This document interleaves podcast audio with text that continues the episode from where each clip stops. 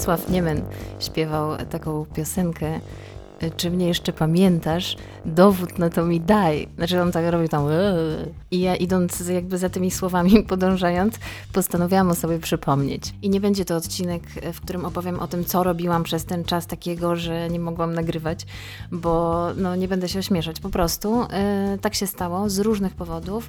E, troszeczkę ten podcast e, okazał się mm, no, takim małym falstartem w moim życiu. E, natomiast nie chcę jakby tracić tego, tej swojej całej koncepcji opowiadania o tym, bo uważam, że robimy całkiem fajną rzecz już trochę tych rzeczy w ogóle udało się zrobić, mm, o czym dzisiaj opowiem. I odcinek dzisiejszy przybierze taką konwencję dostrajania. Postanowiłam dostroić się do sytuacji na dzisiaj, żeby nie robić takiego, wiecie, powracania do tematów, o których miałam kiedyś tam opowiedzieć, bo Zasadniczo na co dzień działałam w ten sposób, że notowałam różne tam ciekawostki w swojej aplikacji z notatkami i później miałam robić dla tych, dla tych tematów konkretne odcinki. No ale gdybym teraz zaczęła wracać do tych swoich notatek, to tych odcinków byłoby tyle, że kolejne rzeczy, które dzieją się na żywo, by się nazbierały. No i jakby finalnie za jakiś czas byłabym w tym samym punkcie i nigdy nie byłabym na bieżąco. I uważam, że nie ma to po prostu najmniejszego sensu. Pomyślałam też sobie, że ci moi słuchacze, którzy tam są i ty też wśród nich, no wcale nie są jakąś tam super liczną grupą, bo dopiero pojawiło się niewiele odcinków, więc może aż takiego hejtu e, nie dostanę i nie spadnie na mnie jakaś taka fala goryczy z waszej strony. Mm, I zostawiłam sobie tą informację, ile razy mnie odsłuchano na deser. Postanowiłam zrobić to jakby teraz nagrywając, wejść, no tak dla mnie jakby na żywo, z mojej perspektywy na żywo w ten panel i wtedy powiedzieć, o, o odsłuchało mnie aż tam, nie wiem, siedem osób. Mm, I zrobiłam to y, chwilę wcześniej i nie mogę się tam zalogować. Y, po prostu nie działa mi hasło. Więc jeśli słuchasz tego odcinka, to znaczy, że y, hasło zostało odzyskane i podobnie witamy w Anchor, y, bo jakby z tej platformy korzystam. No więc mam nadzieję, że rzeczywiście nie nagrywam tego po nic i, i właśnie teraz trafiłam do Twojego ucha. Przystanek numer jeden w całej tej podróży dostrajającej to moje dostrojenie się do rzeczywistości. E, rzeczywistości zwanej finansami. E, no i niestety tutaj e, jakby obudziliśmy się z tego snu, snu, snu o Warszawie. Ojej, dzisiaj Niemen jakoś mnie prześladuje.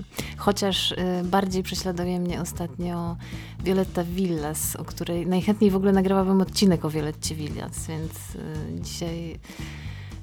Oj, muszę się obudzić, no kompletnie. No więc obudziłam się, obudziłam się z, z, ze snu, o, o czym on by nie był.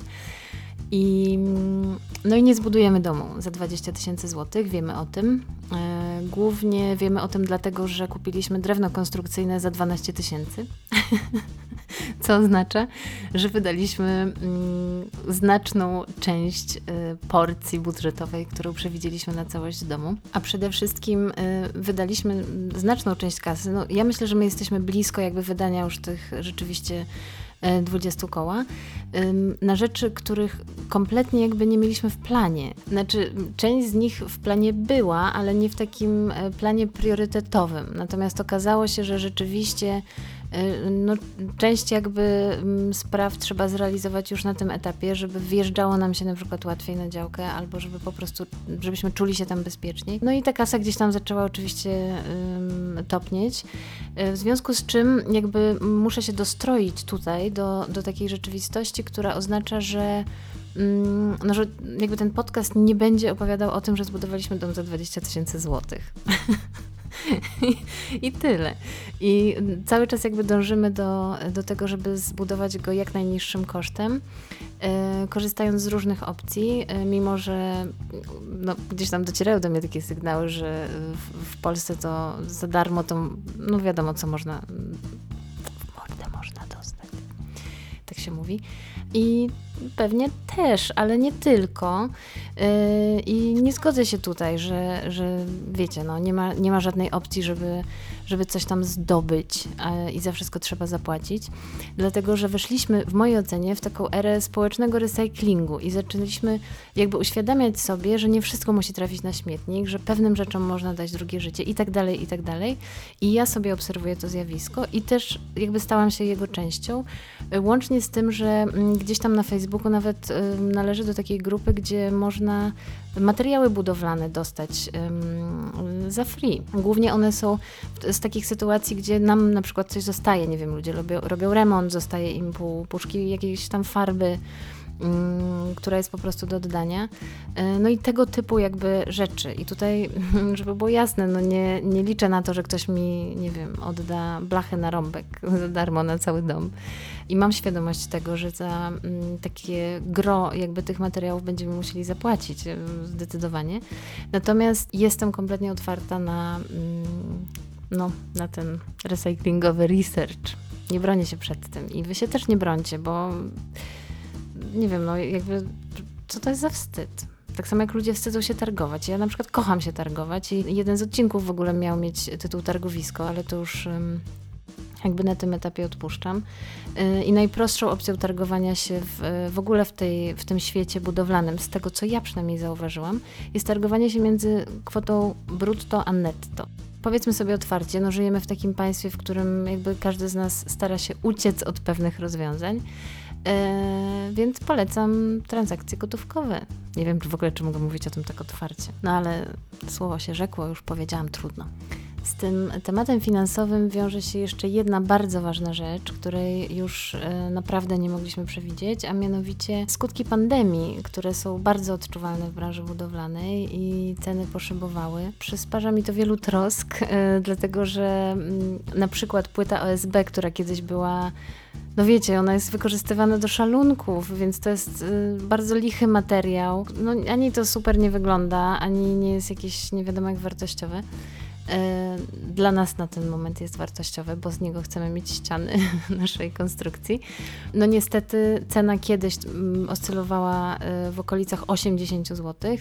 Na tym etapie E, płyta OSB kosztuje 200-250 zł, więc razy X, a wiadomo, że do domku nawet 35 metrów potrzeba ich, e, takich płyt wielu, no zaczynamy zakrawać o absurd, więc e, poszukiwanie rozwiązań też ma pewne granice, jak widać, no bo no nie jestem w stanie jakby w nieskończoność szukać zastępstwa na dany produkt. Więc to jest takie troszeczkę y, demotywujące, utrudniające życie, no i przede wszystkim spowalniające gdzieś tam ten proces. Ale to nie oznacza, że jakby wycofujemy się, wręcz przeciwnie, gdzieś tam jest to też jednocześnie wyzwanie.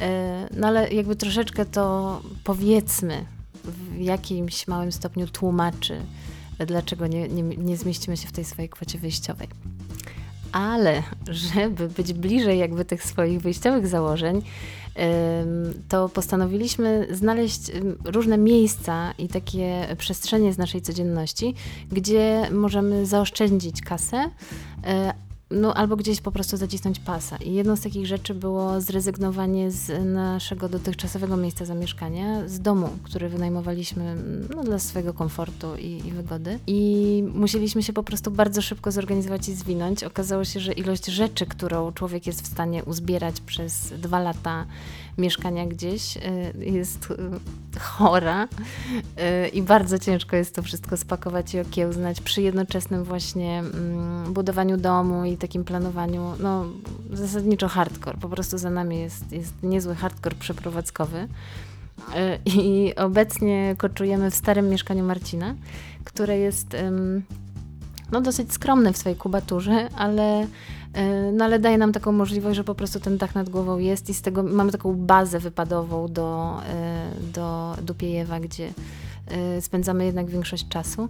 Mm, więc to jest taki nasz, no ten finansowy kompromis, który troszeczkę pozwala nam więcej pieniędzy włożyć w, w ten nasz docelowy dom.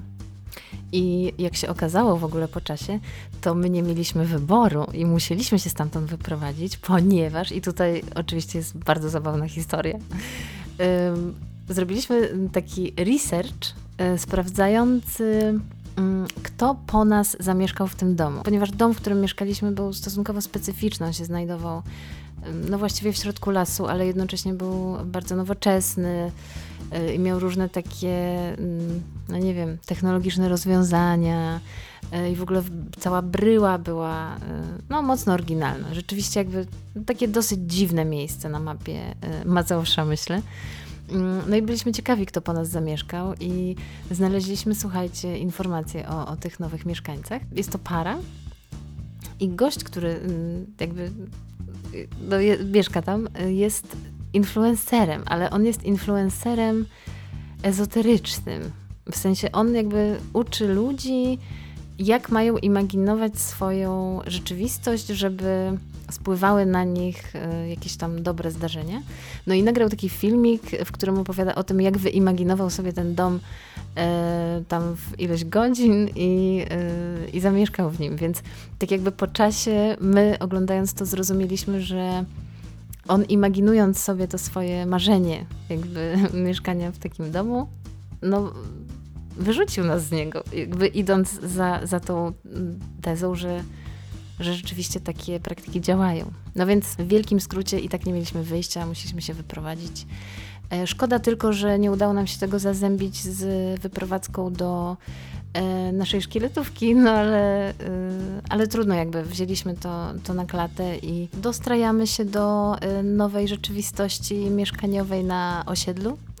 Y, jest to wyzwanie trudne, bo dotychczas y, mieliśmy za sąsiadów, wiecie, no, mm, wiewiórki, ptaki, nawet zamieszkał mały zając u nas pod drzwiami. No a teraz jakby jest gorzej, bo mieszkamy w miejscu, w którym na przykład e, nie ma gdzie parkować, nie ma wystarczającej ilości miejsc parkingowych. Nie ma też możliwości parkowania w garażu, bo wszystkie miejsca są e, wyprzedane albo wynajęte. No więc Marcin, który podjeżdża tutaj z przyczepką, no wiecie, więc jest nieco um, większy, jeśli chodzi o miejsce parkingowe i parkuje u siebie pod e, tarasem, bo jest, no jest tam po prostu taka powiedzmy pseudoprzestrzeń, e, na której można się dosyć komfortowo zatrzymać i jednocześnie nie blokując ani chodnika, ani przejazdu i tak.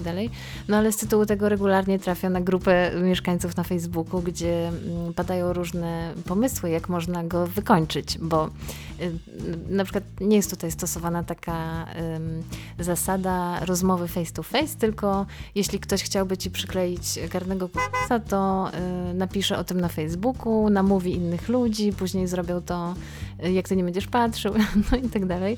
W efekcie czego y, czujemy się chwilami tutaj dosyć niekomfortowo, no ale jakby daje nam to jakąś tam siłę napędową, żeby mm, jak najszybciej postawić te swoje rzeczywiście małe cztery kąty i, i uciekać stąd jak najszybciej. Tym bardziej, że jest tu jeszcze jeden świetny motyw przewodni i jest to szlaban wjazdowy, o którym ja już słyszałam legendy jeszcze zanim w ogóle poznałam e, to osiedle.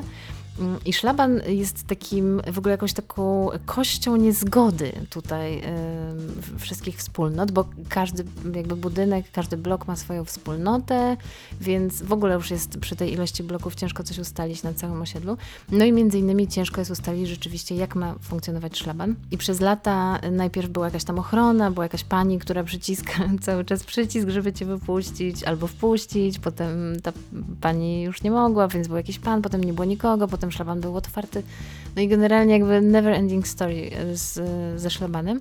Finał jest teraz taki, że szlaban jest automatyczny i jest skonstruowany tak, że jest taka, wiecie, taki między jednym szlabanem a drugim jest taki taka maleńka przestrzeń, przez którą jak zapomnisz klucza, to aż, no aż, aż chcesz tam po prostu tą tak dupkę przycisnąć. No i wejść tak trochę na nielegalu, no ale de facto na legalu, no bo mieszkasz tutaj. No i tak z tym przyciskaniem dupki ym, bawią się na przykład dzieci, które zapominają zazwyczaj kluczy. I, I, albo przeskakują. Ja też bym to pewnie robiła, gdybym była dzieckiem. Ja też permanentnie gubiłam klucze. No ale, no ale na tym osiedlu nie. Na tym osiedlu ktoś stoi z balkonu i robi zdjęcia tym dzieciom i pisze, czyj to dolony bachor. No i potem w komentarzach tutaj mieszkańcy wszyscy dają różne pomysły, jak można takiego bachora, tutaj robię cudzysłów e, w powietrzu, e, wykończyć. I ktoś, słuchajcie, wysmarował ten cały, te boki, gdzie dupka się ma przycisnąć smarem, w efekcie czego ta dupka jest cała w smarze, no i tak dalej, i tak dalej. I takich historii jest tutaj milion. E, więc próbuję się też jakby dostroić do tej rzeczywistości, co jest chwilami trudne chwilami zabawne, chwilami niemożliwe. No. Ale jakby idę za tym i, i, wiem, że to nie jest na zawsze, wiem, że to jest na chwilę i fokusuję się przede wszystkim na dostrajaniu do innego miejsca, które okazało się miejscem wyjątkowym. I jest to dostrajanie się do Dupiejewa. Ponieważ y, ten nasz początkowy strach, co my tam będziemy robić, Marcin mówi na przykład, jak będę chciał zjeść pizzę, to co? to co ja mam wtedy zrobić? Albo będę chciał zjeść burgera.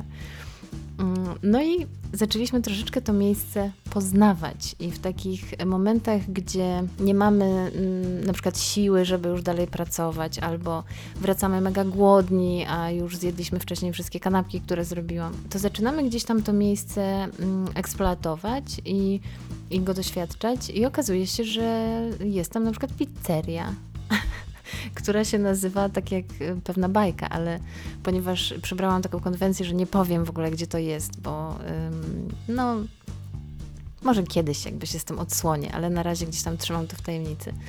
E, no więc y, pizzeria, wiecie, zazwyczaj się nazywa pizzerię, nie wiem, Rukola, albo na przykład w Falenicy, takiej dzielnicy w Warszawie jest pizza Falenica. No a tam y, pizzeria ma nazwę Mm, od pewnej baśni, więc to jest y, magiczne. Y, ale poza tym, bo to jakby są jakieś tam dodatkowe elementy, poznaliśmy ludzi, słuchajcie, z Dupiejewa.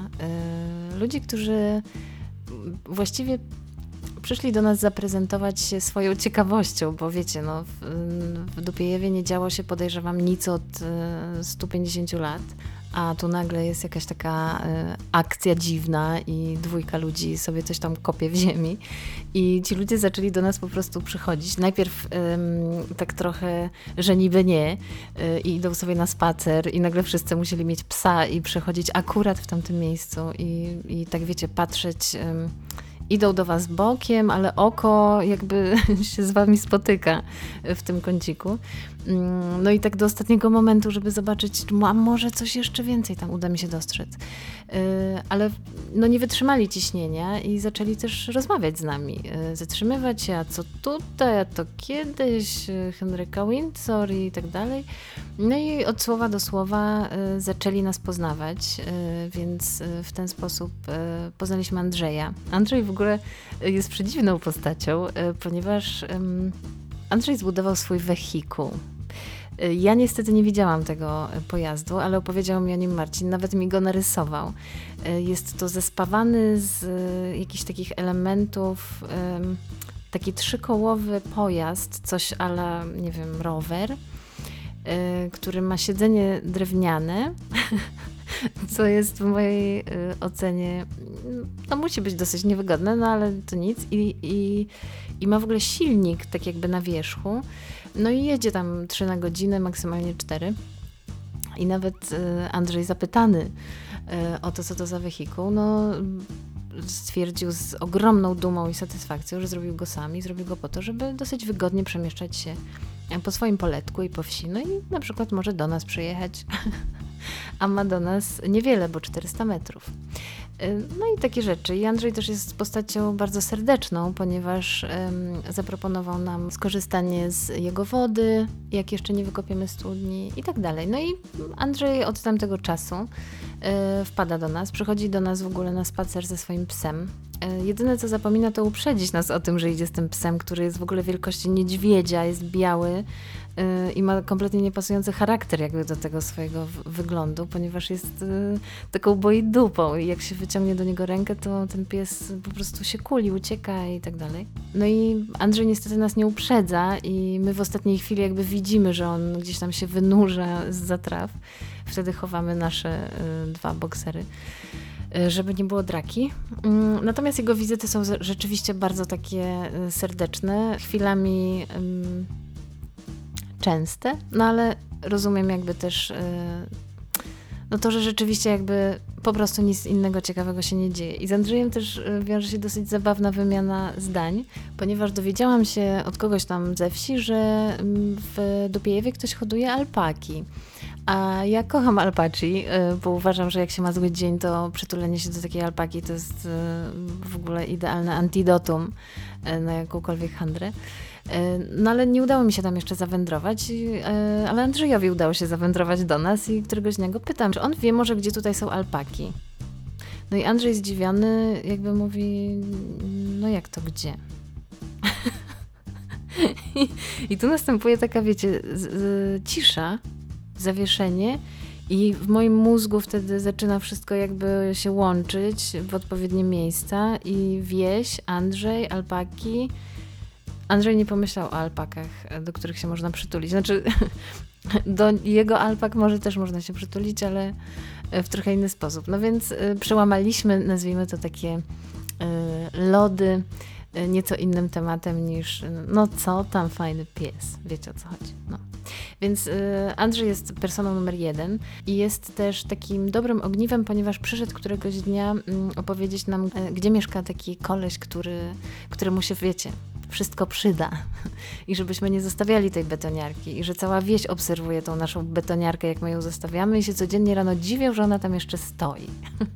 No i Andrzej przyszedł jakby z tą nowiną, żebyśmy rzeczywiście jakby nie zostawiali. No różnie to bywa, mamy nieogrodzony teren jeszcze. E, więc to takie dosyć sympatyczne ostrzeżenie. Później też poszłam do mojej babci zapytać się, czy zna tą osobę, która e, jest taka potrzebująca i wszystko jej się przyda. I, no i rzeczywiście jakby te nazwiska się gdzieś tam zgadzają, więc już trochę wiemy jakby przed kim się gdzieś tam ustrzegać. Wiemy też na przykład, gdzie jest sklep, sklep, w którym jest salceson i, i tak zwany wegeser wędzony. E, a wegeser wędzony jest niczym innym jak po prostu takim totalnym, zgniłym, spleśniałym selerem, bo są tam, no są tam niestety takie, wiecie, warzywka, które leżą za długo. Mm, I ten salceson też już tam leży za długo. Godzin i lat nie liczył ten salceson. Ale jest fantastyczne zaufanie, które polega na tym, że pani nam sprzedaje e, piwo bezalkoholowe, ponieważ my tam jesteśmy zawsze jako kierowcy i sprzedaje nam je nie licząc butelki. I któregoś dnia Marcin mówi do niej, że no to jest chyba y, coś za, za tanio. A pani na to odpowiada, bo ja nie liczę butelki, bo ja wiem, że pan odda. No? Takie rzeczy się dzieją na wsi. Czy ktoś w mieście by wam zaufał, że oddacie butelkę? A i oczywiście jest kontynuacja tej historii, która jest trochę takim zonkiem, bo Marcin stwierdził, że skoro ona tak go obdarzyła zaufaniem, to on teraz nazbiera wszystkie butelki z całego świata i on jej zaniesie te butelki i ona wtedy to już w ogóle będzie do niego miała zaufanie. No i nazbierał te butelki, minęły trzy tygodnie i pani mówi, ale pan kupował tylko cztery te piwa. Przecież ja nie mam składu butelek, ja nie przyjmuję tego. Więc dostrajamy się do rzeczywistości dubiejewskiej. E, poznaliśmy sołtysa, który twierdził, że zrobią nam drogę dojazdową, jak oddamy mu kawałek działki, bo to jest niepisana zasada. No i tak jeszcze próbuję wyczytać, czy ten sołtys to jest dobra postać, czy niedobra. Na razie nie mam jeszcze zdania, ale gdzieś tam się mijamy, jego oczy też jakby lądują, wiecie, w kąciku, żeby widzieć jak najwięcej. On ma pole w ogóle naprzeciwko nas, które tam przyjeżdża dziwnie często kosić i zawsze się zatrzyma i ten.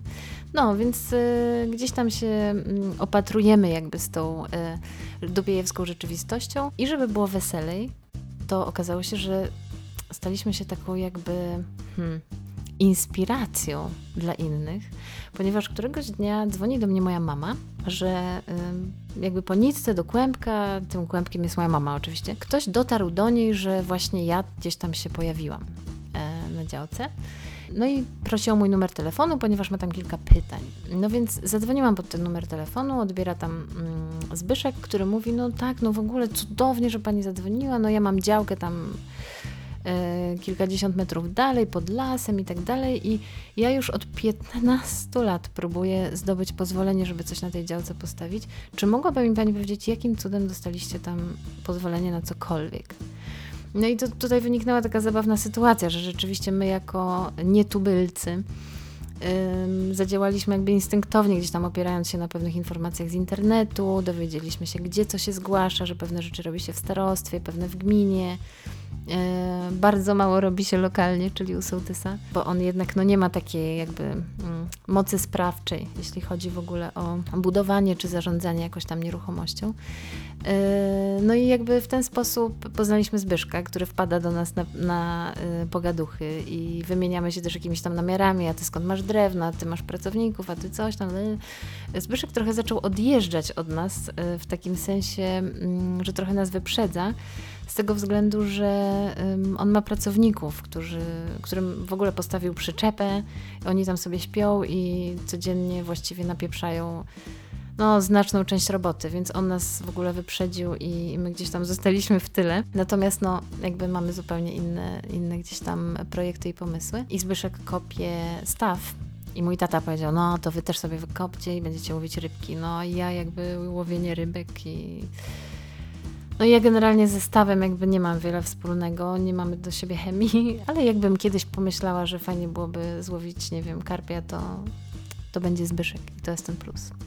Tak, i z ostatnich takich rzeczy, które mam e, w temacie dostrojenia się do Dupiejewa jest w ogóle niesamowity specyfik, o którym zresztą opowiedział mi właśnie Zbyszek, bo okazało się, że jest tam potworny problem z komarami. Jest po prostu bardzo dużo komarów, no kleszczy też, jakby ja wiem, że to jest naturalny element wsi i gdzieś tam takich no, niemiejskich klimatów i leśnych i to jest jakby standard. Natomiast bardzo ciężko jest tam rzeczywiście skorzystać z tej y, okolicy i nawet zjeść w spokoju. E, no i y, dowiedzieliśmy się o takim specyfiku, który nazywa się pożegnanie z komarem. Kosztuje chyba 109 zł, o ile dobrze pamiętam. I ja go kupiłam. Y, ja jestem przeciwna w ogóle gdzieś tam takim akcjom, jak na przykład Roundup, chociaż cała wieś tam mnie namawia i mówi, że ja nie wygram z, tymi, z tym zielskim, które wyciągam ręcznie.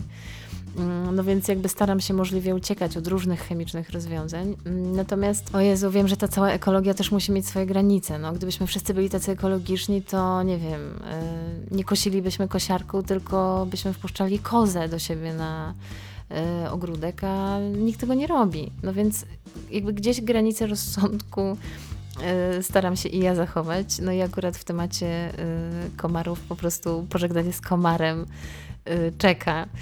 Y, czeka na studnie, ponieważ nie, jest to taki specyfik, do którego y, jakby podłącza się szlauch i pod ciśnieniem tam opryskuje ten teren, w którym no na przykład chce się mieć, nie wiem, ławkę i, i kawałek miejsca, żeby usiąść i wypić herbatę czy coś tam. Więc no nie będę opryskiwać jakby całego Dupiejewa i żegnać się tam z komarami, ale jakiś taki pewien obszar, w którym chcielibyśmy się czuć bezpiecznie, jakby mm, planuję tym potraktować i, y, no i z niecierpliwością jakby czekam, aż to się wydarzy, bo mm, szczerze mówiąc średnio mi się chce w to wierzyć. Chociaż y, chłopak mojej siostry ostatnio jak tam był i on ma w ogóle mm, taką, y, no on twierdzi, że ma po prostu taką krew, że jak on się pojawi na tej działce, to my możemy czuć się w ogóle bezpiecznie i na pewno nic na nas nie usiądzie nic nas nie ugryzie, bo on jest największą atrakcją w ogóle dla komarów.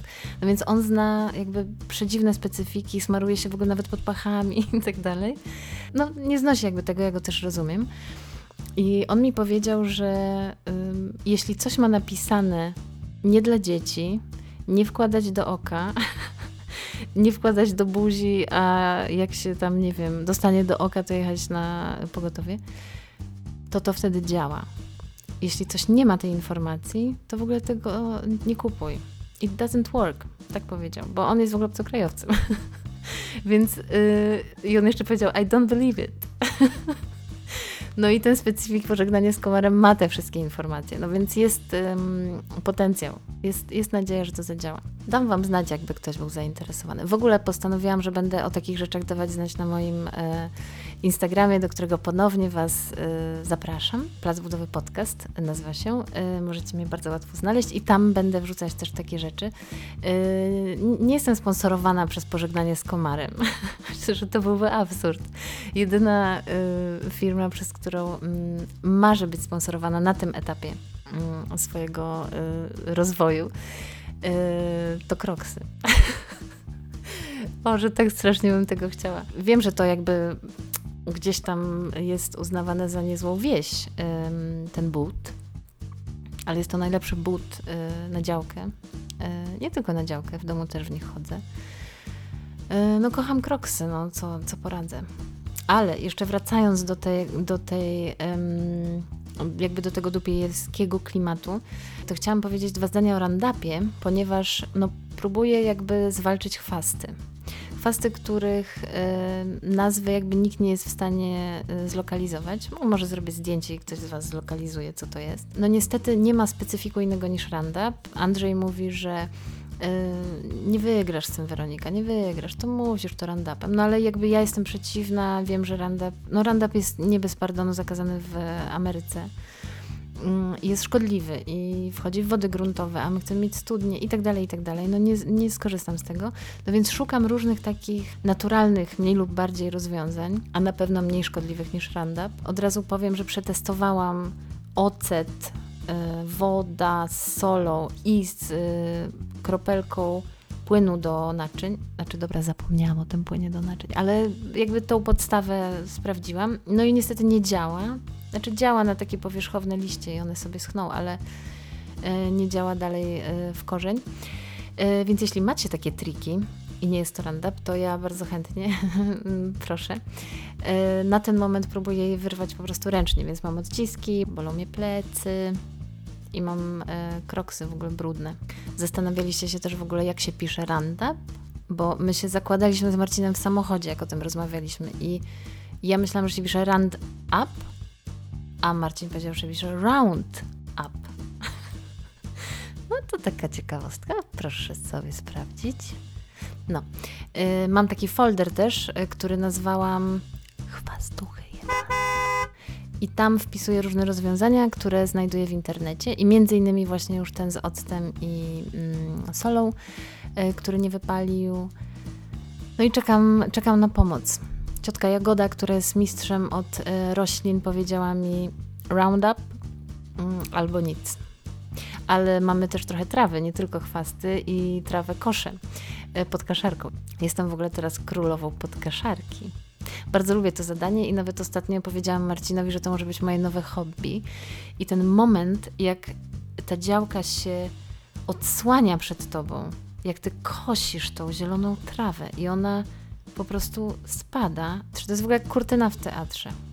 A ten teatr, e, który się odsłania, pokazuje nam powoli, bardzo powoli e, pewne miejsca. Troszeczkę zaczyna działać wyobraźnia, gdzie powiesimy hamak, e, gdzie będzie taras, widać, gdzie będą wkradały się gałęzie, olchy i brzozy. W ogóle burza nam, kurde, jedną brzozę wyrwała z korzeniami. No. Ale Marcin już wymyślił, że ta brzoza będzie u nas w domu i ona będzie, będzie taki pień, który mm, będzie tak jakby podtrzymywał y, schody.